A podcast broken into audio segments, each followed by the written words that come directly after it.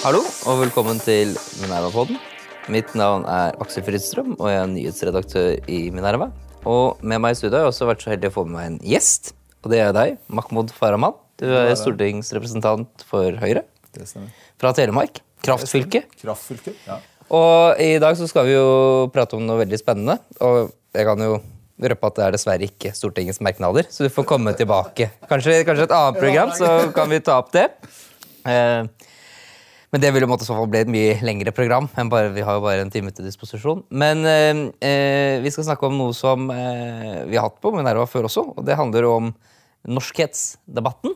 Vi har jo tidligere også hatt han debattredaktøren i Avisa Oslo her, som har skrevet om når man er norsk nok, og hvorvidt man Han skriver at han har si, eh, gitt opp å føle seg norsk. Eh, nå kommer det også en eh, ny bok, Norsk nok, hvor du er en av bidragsyterne.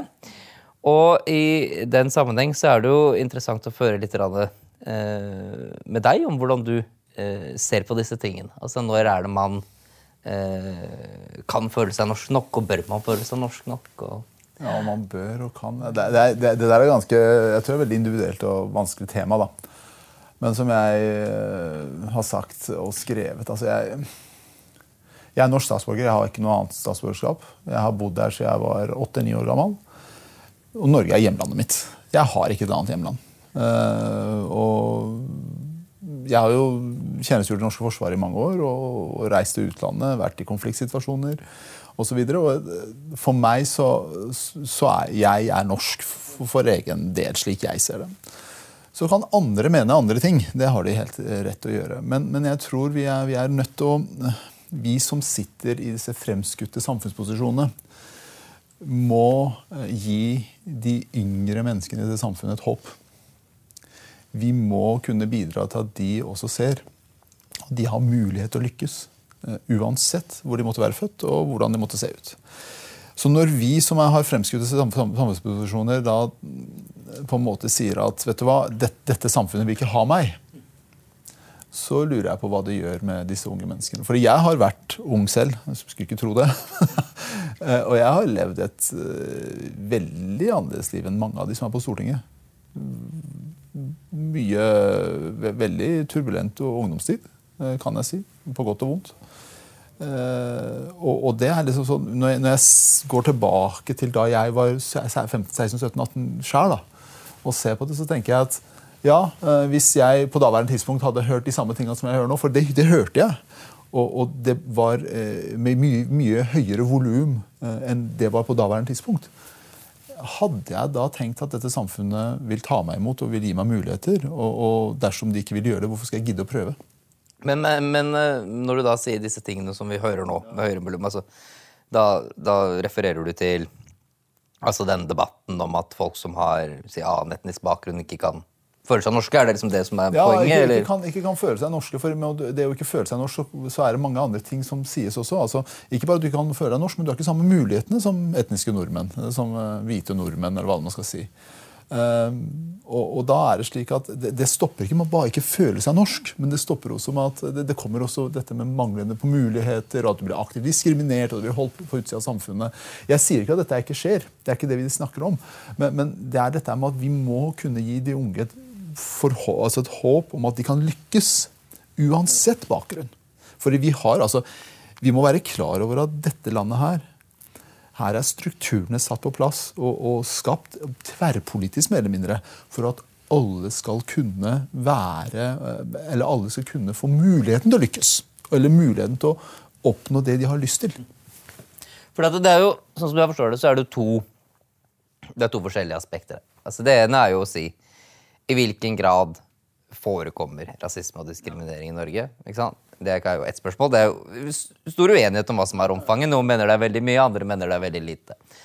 Den andre debatten er jo også ok, uavhengig av hvor mye det forekommer, er jo også et spørsmål om hvordan, hvordan skal du selv for, forholde deg til, til at det er sånn. Og du, det jeg liksom har øh, ja, Du må jo gjerne svare på begge spørsmål, men det jeg øh, har liksom oppfattet litt, at du er særlig opptatt av hvordan er det man selv skal måtte forholde seg til uh, at diskriminering liksom forekommer.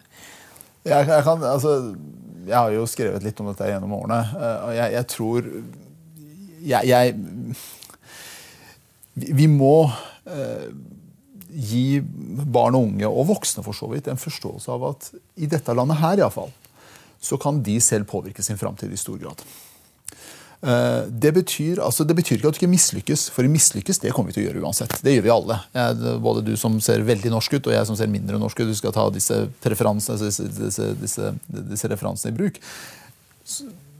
Jeg har mislyktes i livet. Altså Jeg skriver i denne boka at eh, jeg har prøvd på militære opptak flere ganger.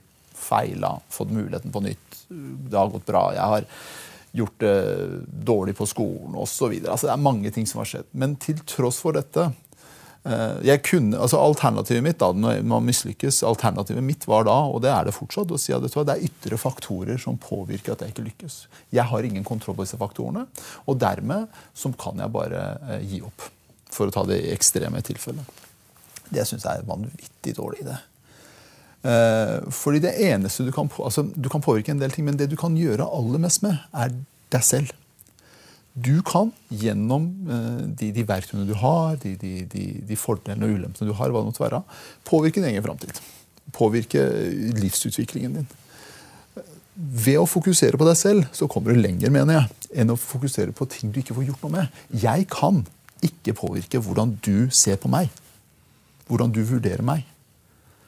Du er et godt voksen menneske. Det å påvirke dine holdninger og tanker og ideer om meg, det, vil, det er et ja, vanvittig krevende ting. Da må vi sitte innelåst i et rom i flere år for å kunne få gjort noe med det. tror jeg. Men, men det, at, det jeg kan gjøre noe med, er min egen innsats. Det jeg kan gjøre noe med, er veien jeg velger. Det jeg kan gjøre noe med, er eh, det nettverket jeg skaper meg, eh, osv. Jeg tror det er viktig å, få, for oss å forstå det. Eh, det betyr ikke at det, det, det betyr på ingen måte at samfunnet der ute eh, ikke bør endres og ikke bør gjøre endringer. Men jeg tror fokuset vi må gi folk, og, og ha selv, er, er, på vår egen innsats. Men er det du da er redd for, holdt jeg på å si, at eh, det norske samfunnet holdt jeg på å si, i for stor grad liksom legger opp til kanskje at eh, Eller legger til rette for liksom en, en, en dyrking av, av, offerstatus. da. Altså Hvis du hadde ja. blitt fortalt uh, når du var uh, 16-17-18 år og litt trøblete ungdomstid, at her er liksom alle dine problemer skyldes bare rasisme, så hadde det liksom vært uh... Og det, det, ble jo på sett og vis det også. Altså, jeg husker jo veldig klart den derre samtalen jeg skriver om det i boka også. En samtale der jeg blir spurt hva du har lyst til å gjøre. Jeg sier jeg har lyst til å reise og så jobbe i Forsvaret, eh, som man bruker å si når man er 16-17. 15-16, Og så får jeg høre ja, men kjære deg, den muligheten får jo ikke du. Du er jo innvandrer. Eh, her vil du ikke ha sånne som deg. Og så sies det kanskje med andre ord, og så mener jeg kanskje intensjon bak å si det er godt. Det var gode intensjoner bak det. Man vil eh, verne og skåne en ung person for, for smerte. Men, men det tar håpet fra folk, altså. Og det er nettopp disse tinga her som, som jeg syns er liksom litt viktig å ha med seg. Hvilke signaler vi, vi, sender folk. Hva vi sier til dem. En annen sånn artig del av den debatten her er jo uh, Det, det foregikk her for, uh, for, fullt her i høst. Uh, Regjeringa har ingen innvandrere, ingen med innvandrerbakgrunn i, ingen med innvandrerbakgrunn er en del av den regjeringa. Så tenker jeg, hvilken relevans har det egentlig? Jeg er jo grunnleggende uenig om det er innvandrere i den regjeringa eller ikke. Men, men, men, men, hvilken relevans har det egentlig? Hvilken bakgrunn du har når du sitter i et regjeringsapparat? Er det kun det ytre, det synlige, som definerer hvem jeg skal ha som en som forbildereferanse. Jeg sa det jo til Minerva for mange år siden at jeg, jeg kan heie like mye på Bjørn Dæhlie som jeg kan heie på det iranske lands, fotballandslaget. Eh, iranere går ikke på ski, eh, godt er det, og nordmenn er forferdelig dårlige til å spille fotball nå om dagen. liksom, men vi må ikke gjøre det til at det er hudfargene som definerer hvem, hvilke forbilder jeg kan ha. altså. Men bare til, til, en ting. altså Når du da fikk beskjed når du var ung da, om at nei, du kan ikke komme i Forsvaret, om det liksom var godt eller vondt ment, eller hva det var for noe, fordi du har ransbakgrunn Men får ikke de som sier at det, det, er liksom umulig å bli norsk nok da, hvis du har annen etnisk bakgrunn, får ikke de liksom litt rett, da? Når du, så du fikk den beskjeden? Ja, og det, det, var jo det var ikke en nordmann som sa det. Det var en innvandrer som sa det til meg. Det, det må også sies. Så, eh, og jeg har jo, ja, jeg har eh, for første forsøket mitt på å bli soldat gikk jo ikke så bra, kan man si. Eh, så jeg måtte prøve igjen. Men hva var alternativet, da?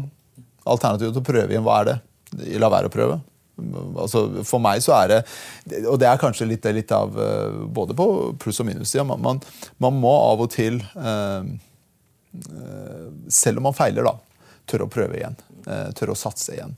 Og så må man ha flaks. Og det skal jeg ta, si. Man må ha flaks. Eh, og det er Jeg hadde jo jeg hadde flaks fordi jeg kunne et språk som Forsvaret trengte i en periode. Det var det som på en måte ble inngangsnøkkelen min til runde nummer to. Og så møtte jeg på folk til å begynne med som ville, faktisk oppriktig ville meg vel, tror jeg. Eh, og da må man, den flaksen må man ha. Eh, men man må også erverve kompetanse som er relevant, og sørge for at man er relevant. Og tørre å prøve. Fordi jeg kunne, når jeg ble ringt etter den gangen, det husker jeg jo jeg satt eh, som datareparatør i kjelleren på Høgskolen i Telemark når Forsvaret ringte og sa du, når kan du reise til Afghanistan. Litt sånn spøkefullt sa jeg om et par-tre dager. Ja, da kommer du til oss en tur da, på intervju. I morgen. Og Dagen etterpå var jeg eh, i Oslo på intervju. Og, og, de menneskene jeg møtte på det intervjuet, som jeg sier, de ville meg oppriktig vel. De ville at jeg skulle, Og de, de ble på en måte inngangsporten min til, til, andre muligheter i Forsvaret. Og så klarer man å levere på, på visse ting og gjøre en grei nok jobb, og så får man muligheten videre. Da. Så, så det, det, altså, Om man blir norsk nok Det som er interessant, er jo at hva vil det si å være norsk nok, og hvem er det som definerer om du er norsk nok eller ikke? Er det sånn at mine, altså jeg, la, la, oss ta det sånn, Hvis vi sier at vi skal bo fem-seks generasjoner i Norge før jeg er norsk nok, da. Men endrer det på det faktiske forholdet at jeg har de samme mulighetene som deg? Jeg tror ikke, jeg, jeg tror ikke det. Altså, det som definerer, det ser man på dette, denne ene forskninga som er gjort i Europa over tid, eh, viser at det er veldig mye på nettverk, veldig mye på, på hvordan sosiale statusen oppleves osv. Som, som er avgjørende for om du kommer fram eller ikke. Og så er det jo selvfølgelig Diskrimineringa er der, men har man et godt nettverk, så kommer man mye lenger enn hvis man ikke har det. Men hvor, For dette er jo liksom den, den, andre biten av dette. altså Hvor mye si Eh, rasisme og diskriminering er det liksom som, som finnes i Norge? For at man har jo eh, vi, vi, har jo skrevet om det mange ganger. altså Man har jo øh, eh, f.eks. en del sånne Instagram-kontoer og nesten sånne sosiale medier, geriljagrupper, som, som forsøker å dokumentere eller finne rasisme. Og så liksom fremvises her denne damen i kassen på Kiwi for eksempel, var litt rasistisk. eller noe sånt. Uh, så det er jo ett bilde som viser at det skal være veldig mye. Uh, men så er det jo også jeg har i hvert fall litt inntrykk av deg, at det, du kanskje ikke mener at det er så veldig mye? Liksom, Nei, jeg, jeg mener altså, Det blir spurt, Jeg ble jo spurt av Aftenposten her. Uh, opplever rasisme som et stort problem i din hverdag? Nei, jeg gjør ikke det. Det kan være mange grunner til det, men jeg opplever ikke det. Og det, det kan, altså, jeg mener personlig jeg ser ikke etter det. Uh, jeg ser på meg selv når jeg skal gå herfra bort til disse berømte pendlerleilighetene som Stortinget har gitt meg. Så er det visse deler av den veien bort dit der jeg krysser gata og er litt mer årvåken. og sånn. Eh, hadde jeg vært hvit, så hadde kanskje noen opplevd det som rasistisk. Men fordi jeg ser ut som jeg gjør og har den bakgrunnen her, så er det mindre rasistisk. Og så er det slik at eh, Jeg tror vi må, vi må være litt sånn, sånn Jo, la oss også si at rasisme og diskriminering er et større problem enn en, en det jeg kanskje opplever. Men hva er løsninga? Hvordan løser vi det? Jeg tror løsninga ligger i å altså ikke Overse det er jo feil, men, men, prøve å jobbe med de tinga du kan jobbe med. Og jeg, jeg, mener altså at når jeg vokste opp i Norge Jeg kom til Norge 87-88, der omkring. Og det var ikke en eneste innvandrer å se på TV som ligna på meg. Ingen. Jeg hadde ikke færre forbilder av den grunn. Det var ikke en eneste lærer med innvandrerbakgrunn Bortsett fra min mor, som var fars lærer på, på, den skolen vi gikk på, og et par andre. Eh, det gjorde ikke livene våre som betydelig dårligere. Og vi må også være klar over at til tross for at vi snakker om alle disse problemene som er her, og vi problematiserer kanskje en del forhold som eh, kanskje ikke er fullt så problematiske, ikke, problemet ikke er fullt så store, så vi må være klar over at de mulighetene sånne som meg får her Jeg kom til Norge som sagt som 8-9-åring. De muligheten hadde jeg aldri fått i Iran. Eller andre steder i verden. Jeg har et søskenbarn som er nesten like gammel som meg, som bor i USA. Han driver med andre ting. Og vi har møtes, vi har møttes for mange år siden sist og prater, og så, og så snakker vi om disse mulighetene, disse, altså USA kontra Norge, mulighetene som finnes der. Eh, og der er vi jo liksom Der mener jeg vi har kommet ganske ekstremt langt. Vi er, vi er fremst i verden på hvilke muligheter folk har her. altså. Det er enda lenger enn USA, mener du? Ja, jeg mener det. Ja. Eh, litt av grunnen til jeg mener det, og det er liksom litt av nå blir det litt politikk kanskje ut av det, men et velfungerende skolevesen der kunnskap står i fokus. Det er, det er det du lærer som er det viktigste. Eh, der alle får en sånn grunnplanke. da et fundament som de kan bygge videre på. Om de vil bli snekkere eller ta doktorgrad i kjønnsforskning. Det, det liksom, men de har en grunnplanke. Og, og, dette skolevesenet bidrar også til å skape noen felles referanser i samfunnet vårt. Der vi har en forståelse av hvordan verden ser ut. Eh, det er helt avgjørende. Der har nok USA litt mer å stri med om dagen. Altså. Men til en, bare liksom bore litt i dette med med opplevd rasisme etc. Altså hvis du for eksempel, eh, du har vokst opp i Telemark hele livet? Ja, Telemark, ja. Altså Hvis du vokser opp i, i Oslo da, med minoritetsbakgrunn, så uh, er jo et par ting som er ganske slående i Oslo, er at det er, det er ganske mye rikdom i en, liksom en del nabolag. Og uh, si hvis du kommer ifra et, uh, et, et, veldig hvit og rikt nabolag, okay, så var du født inn med alle connects, ja, god utdanning altså, du, har, du, har, alle forutsetninger for å lykkes. ikke sant? Eh, men hvis du kanskje kommer fra en eh, flyktningfamilie i Groruddalen, eh, så vil man jo, når man sammenligner seg med sine jevnaldrende, og da særlig Oslo vest kontra Oslo øst, f.eks., så vil man jo se at uh, de, de, barna som er født inn i de mest vellykkede hjemmene i Oslo, ja. har en head start. Altså, det, er, det, er, det, er, det, er, vanskelig å Ja, head start. Altså, dette er interessant. Og i Oslo tror jeg nok det er en litt annen hverdag enn det er i Telemark, Grenland. Uh, et lite sånn apropos uh, digresjon. Vinje, kommune, bitte liten kommune oppe i Øvre Telemark, var jo vinner på integrering i mange år. Det bor jo 3000 mennesker her. Eh, men det, ja, jeg ser det i Oslo. Jeg, når jeg er i byen her, så ser jeg det. Og så snakker du om hvite nabolag. Det bor ganske mange innvandrere i de hvite nabolagene. Da snakker vi om hvite nabolag som sosioøkonomisk hvite, men det bor jo en del innvandrere der. Eh, stadig flere. ikke sant?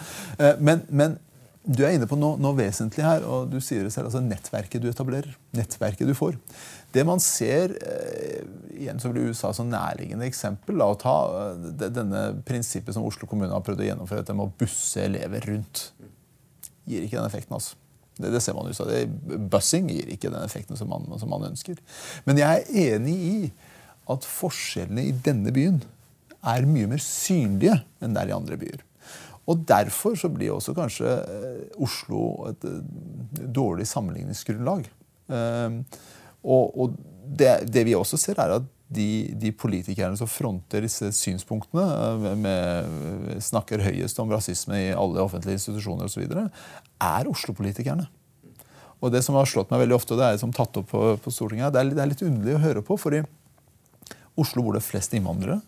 Eh, mange innvandrere i byråkratiet, i politiet og andre steder. Mange av de jobber i Oslo. Og fortsatt er det her man opplever mest diskriminering og rasisme. Det syns jeg er litt sånn eh, paradoks i seg selv. Men tror du liksom at integreringen eller, eller, ja, eller du, kanskje du kan utdype litt først hvorfor du liksom tenker at det, det, er, det er, så paradoksalt? Altså fordi at nei. du mener at innvandrermiljøet er så vellykket? nei, nei, jeg, jeg, mener altså Man skulle nesten tro at det var, når det var såpass mange innvandrere som var i byråkrati og politi og så i byen, at rasisme, opplevd rasisme ville vært lavere i Oslo enn andre steder. Men sånn er det jo ikke. Eller opplevd diskriminering ville vært lavere i Oslo enn andre steder. Sånn er det jo ikke. Og, men jeg tror det kommer liksom tilbake til nettopp det du sier, altså de veldig synlige forskjellene. Og denne byen her er jo styrt i seks år, snart åtte år, av, av rød rød Og de har ikke klart å endre på det. Fordi tiltakene er feilslått, eh, mener jeg. da. Men, men igjen da, så, så, så, tror jeg Jeg har vokst opp i Porsgrunn, og der var vi også en gruppe med, med unge innvandrergutter. Eh, vi dekte vel hele fargespekteret og i fellesskap. Alt fra bosniaker til somaliere som hang sammen. Eh, det var liksom et, En og annen nordmann var med òg, det skal sies. Ingen av oss hadde gode nettverk. Ingen av oss hadde noe nettverk å spille på i det hele tatt. Eh, jeg har jo altså man, igjen da, Litt flaks i livet må man jo ha. Og det som på en måte ga meg mye av ikke nettverket, my, mye av den grunnplanken et, et, etter eh, endt ingeniørutdanning, var jo at jeg hadde en del år i Forsvaret. Hadde en del år der med utenlandstjeneste, med, med en del forsvar, utdanning fra Forsvaret, som på en måte ble kanskje veien videre Men dette med nettverk må, hadde jo ikke vi heller i Telemark. Og jeg husker fra den gjengen der, så var det sånn at øh, Noen gikk det bra for, andre gikk det ikke så bra for. Og de som det gikk bra for, flere av de valgte å flytte bort fra Porsgrunn. Flytte til Trondheim, til Tromsø, til Oslo. noen. Um, og etablere seg sine egne nettverk og sine egne vennskapskretser som de på en måte kunne bruke veien videre.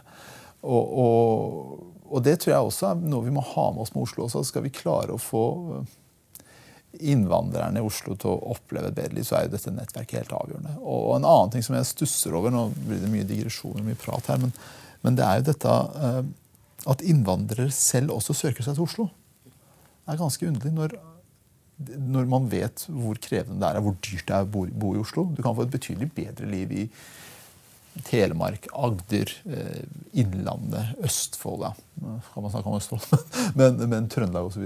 Ved å, å bo der. Der er jobbmuligheter. Der er det mm, billigere å bo. Det er lettere å komme i kontakt med folk. Og skaffe seg nettverk. Ja, men hvorfor eh, For det er jo interessant. altså i veldig mye av norsk eh, integreringspolitikk eh, eller over tid, så er det i hvert fall veldig mye av flyktningstrømmen er jo sentralisert rundt Oslo. og Folk eh, flytter jo også hit i tillegg, så blir det en sånn selvforsterkende effekt. Men mener du at det liksom er kontraproduktivt for å få til ja, god integrering? Jeg, jeg, mener det. Jeg mener det er veldig Jeg mener det er feil. Uh, og når Oslo da her for noen år siden gikk ut ja, vi skal ta imot x antall tusen nye innvandrere og bosette innvandrere, så tenker jeg hvorfor skal dere det? Hvorfor løser ikke problemet for de som allerede er her? Eh, fokuser på de utfordringene du har, du har på bordet ditt nå, og så kan du begynne med nyhet etterpå. Og det er ikke at innvandrere er utfordring, men, men klass, altså, den situasjonen i Oslo er utfordrende for, for veldig mange. Uh, jeg hadde jo igjen, når, når, du har bodd en periode i Norge uh, som nyankommen, det var sånn det var på 80-tallet, når vi kom hit, så, så kunne du velge hvor du ville bo. Etter at du har fått oppholdstillatelse. Og min mor valgte jo da å krysse av for Sandnes og Levanger i Trøndelag. og et par tre andre steder. Så vi endte om å bo i Levanger. Og så sånn, og når skulle, for hun skulle ta sykepleierutdanning, og det, det gjorde hun der oppe. Så når vi, skulle, når vi, var ferdig med utdanning og skulle finne seg jobb, så var det ikke Oslo vi trakk etter. Vi fikk jobb i Porsgrunn, det var greit vi ville bo i Porsgrunn. Så jeg er jo, må si at igjen, flaks og de valgene hun tok, bevisst eller ubevisst, har jo ført til at ting har blitt som det har blitt. og eh, jeg har jo Tror du det har vært mye vanskeligere for deg å vokse opp i Oslo? Ja, jeg tror det. Det, det, det, det tror jeg. Det er mye mer Alenemor, øh, sykepleier Hadde ikke vært lett. Det, er jeg helt overbevist om. Jeg er veldig glad for at vi bor i Porsgrunn. Jeg er veldig glad i Porsgrunn og Telemark. Uh, og så er det jo sånn Det er jo han som fikk meg inn i politikken. Espen Storvann, en, øh, faktisk en venn av meg. Uh, han ble jeg jo kjent med når jeg spilte fotball. Han som ba meg på første Høyre-møte og sa du, dette er kanskje noe for deg. Og det er, en, det er, mye lettere å etablere disse nettverkene i en, i en by med 30 000-40 000 innbyggere. Der du dukker opp på samme fire fotballtreninger i uka og møter folk og kommer i dialog med dem osv. Og da var det, altså, det var, Vi var jo tre innvandrere på det, det A-laget med 25 spillere osv. Så, videre, så det, var liksom litt lettere å få danna disse nettverkene. Uh, Mens Oslo er så stort at man kan lage dine egne ja, du, du, Ja, du, jeg husker jo Jeg spilte litt på Jeg husker ikke hva det lag i fjerdedivisjon på østkanten. Haugerud eller Trosterud eller noe sånt. Jeg husker jeg kom opp der og var på noen treninger. Uh, og så var det noen andre innvandrere der, og man spør ja, hvor er du fra. Og, altså, det var jo masse nordmenn og noen innvandrere. Så spurte jeg et par-tre yngre innvandrere ja, hvor er dere fra. Uh, de snakka litt gebrokkent norsk, så jeg antok jo at de var liksom Nei, de var norske. Jeg sier, ja, men hvor er du fra? Nei, altså, De var født i Norge. Å ja, tenkte jeg. Født i Norge, og så snakker du dårligere norsk enn som kom hit da du var 8-9. Ikke dårligere norsk, men du har liksom den derre eh, tonemfeilene, du, du har aksenten osv. Og, og det var kanskje en av de, det her var jo på, midt, eh, på begynnelsen av 2000-tallet, og da tenkte jeg at hm, det er en litt annen verden her. altså. Og det er nettopp altså, Når du da på en måte blir boende sammen over tid, arbeids, altså Hverdagsspråket ditt er noe annet enn det vil være på en skole med kanskje fem innvandrere, og, og, eller 4-5 innvandrere, kanskje et par-tre prosent innvandrere. Så vil det påvirke eh, språket ditt, som igjen vil påvirke eh, sysselsettingsmulighetene som igjen vil påvirke nettverket du får, osv. Nå vet jo ikke jeg om, om du har rett eller nei, Men la oss si at du har rett. eh, så peker du jo på en del Hvis vi legger til grunn at du har rett, så legger vi til grunn at du peker på en del sånn veldig interessante paradokser. For at i Norge så gjør vi jo en del ting, ikke sant? gjerne for å være snille. Ikke sant? Altså, det handler jo om altså, hvorfor dette fokuset på eh, antidiskriminering og rasisme. Det er jo selvfølgelig veldig godt ment. Ikke sant? Ja, ja, det er jo en ja, institusjonalisering Ja, ja. av noe som er veldig godt ment. At vi ikke ønsker at noen skal, skal møte det i hverdagen. Eh, Det andre, for eksempel, med å si at Oslo kommune sier at de vil ta imot flere flyktninger. Det er selvfølgelig veldig, det er jo ingen på, som ville si det som ikke mener det veldig godt. Det er et uttrykk for enig. god vilje. Jeg helt enig. Men eh, det du sier, er jo både at dette liksom eh, Hvis du overfokuserer på dette med rasisme og diskriminering, så kan man liksom bidra til å lage en offermentalitet som de som blir fanget i offermentaliteten, ikke har godt av. Eh, hvis man eh, eh, tar imot for mange flyktninger i Oslo, så er det vanskeligere for å lage de nettverkene de trenger for å liksom bli et samfunn. Så, eh, hvorfor tror du jeg synes disse paradoksene er interessante. Det er vanskelig for meg å evaluere om du Kanskje, kanskje, kanskje, det, kanskje det ikke finnes noe svar du kan liksom sette to, to streker under, men hvordan kunne man liksom eh, Hvis man la dine innsikter til grunn, altså, hva, hva kunne man liksom gjort for å bevege seg nærmere de tingene som du tror er fornuftig? Hva man kunne ha gjort altså, ehm, du, er inne Jeg tror folk mener godt. Det, det tror jeg. Eh, og så tror jeg det fins folk der ute som prøver å eh, kapitalisere eh, på, på å skape ikke misnøye, men, men, men den, denne, dette behovet for at deres råd om diskriminering og rasisme er til stede. De prøver å skape et sånt eh, eh, for, mulighet for seg selv der. Så, så, det, så får det være. Men det jeg tror er en ting som er viktig her, det er spredt bosetting av nyankomne. Det tror jeg er helt avgjørende. Eh, Men så leste jeg en artikkel i NRK at eh, veldig veldig mange jeg husker ikke tallet, av de nyankomne eh, enslige mindreårige de trakk til Oslo etter at de var ferdig med, med å bo ute i distriktene. Men uansett så, så tror jeg det å bosette spredt, gi muligheter der ute, er viktig. Eh, det, det tror jeg er en del av det. Og så og så tenker Jeg jeg har jo to barn som går på skole, og så kommer de hjem, og et av de spørsmålene som opp som kom opp en dag, var pappa opplever veldig mye rasisme i Norge. Da hadde jeg jo nettopp blitt stortingsrepresentant. Spurte jentungen på 14. Eh, og jeg tenkte, Hvor kommer dette spørsmålet fra? Eh, og snakket litt med henne om det, og så, så viser jeg at det er som et tema de har på skolen. dette med rasisme Og diskriminering. Og det er godt ment. Men da må også fokuset være positivt. Altså Gi folk de verktøyene de trenger for å løse hverdagen sin, og ikke dyrke en offermentalitet som du er ute etter. Eh, vi skal alle være bevisst våre eh, fordommer og preferanser. Vi er mennesker. Eh, det skal vi selvfølgelig være bevisst, men vi må heller ikke gjøre fordommer og preferanser til, til et større problem enn det det er. Det er ganske viktig for meg. da. Og jeg tror alle mener godt, eller veldig mange mener iallfall godt. Eh, Men jeg tror også vi må eh, indusere folk med håp. Gi de håp om at framtida er- kan være lys, til tross for hvor de er fra. Og at vi må ha spredt bosetting av innvandrere. Altså. Det er helt avgjørende. Jeg tror vi kan gå inn for landing, Mahmoud. Det var veldig hyggelig å, å ha deg på besøk. Hyggelig å være her. Ja, Så får vi ta det til, til høsten, de merknadene Ja, som uh, du egentlig har lyst til å prate om. Du, Ja, du får rigge, så skal vi ta en prat om eh, fondsmeldinga, blant annet. Fondsmeldingen, Yes. Men tusen takk for at du kunne komme, og takk til lytterne som har vært med oss i denne sendingen. Hyggelig å være her.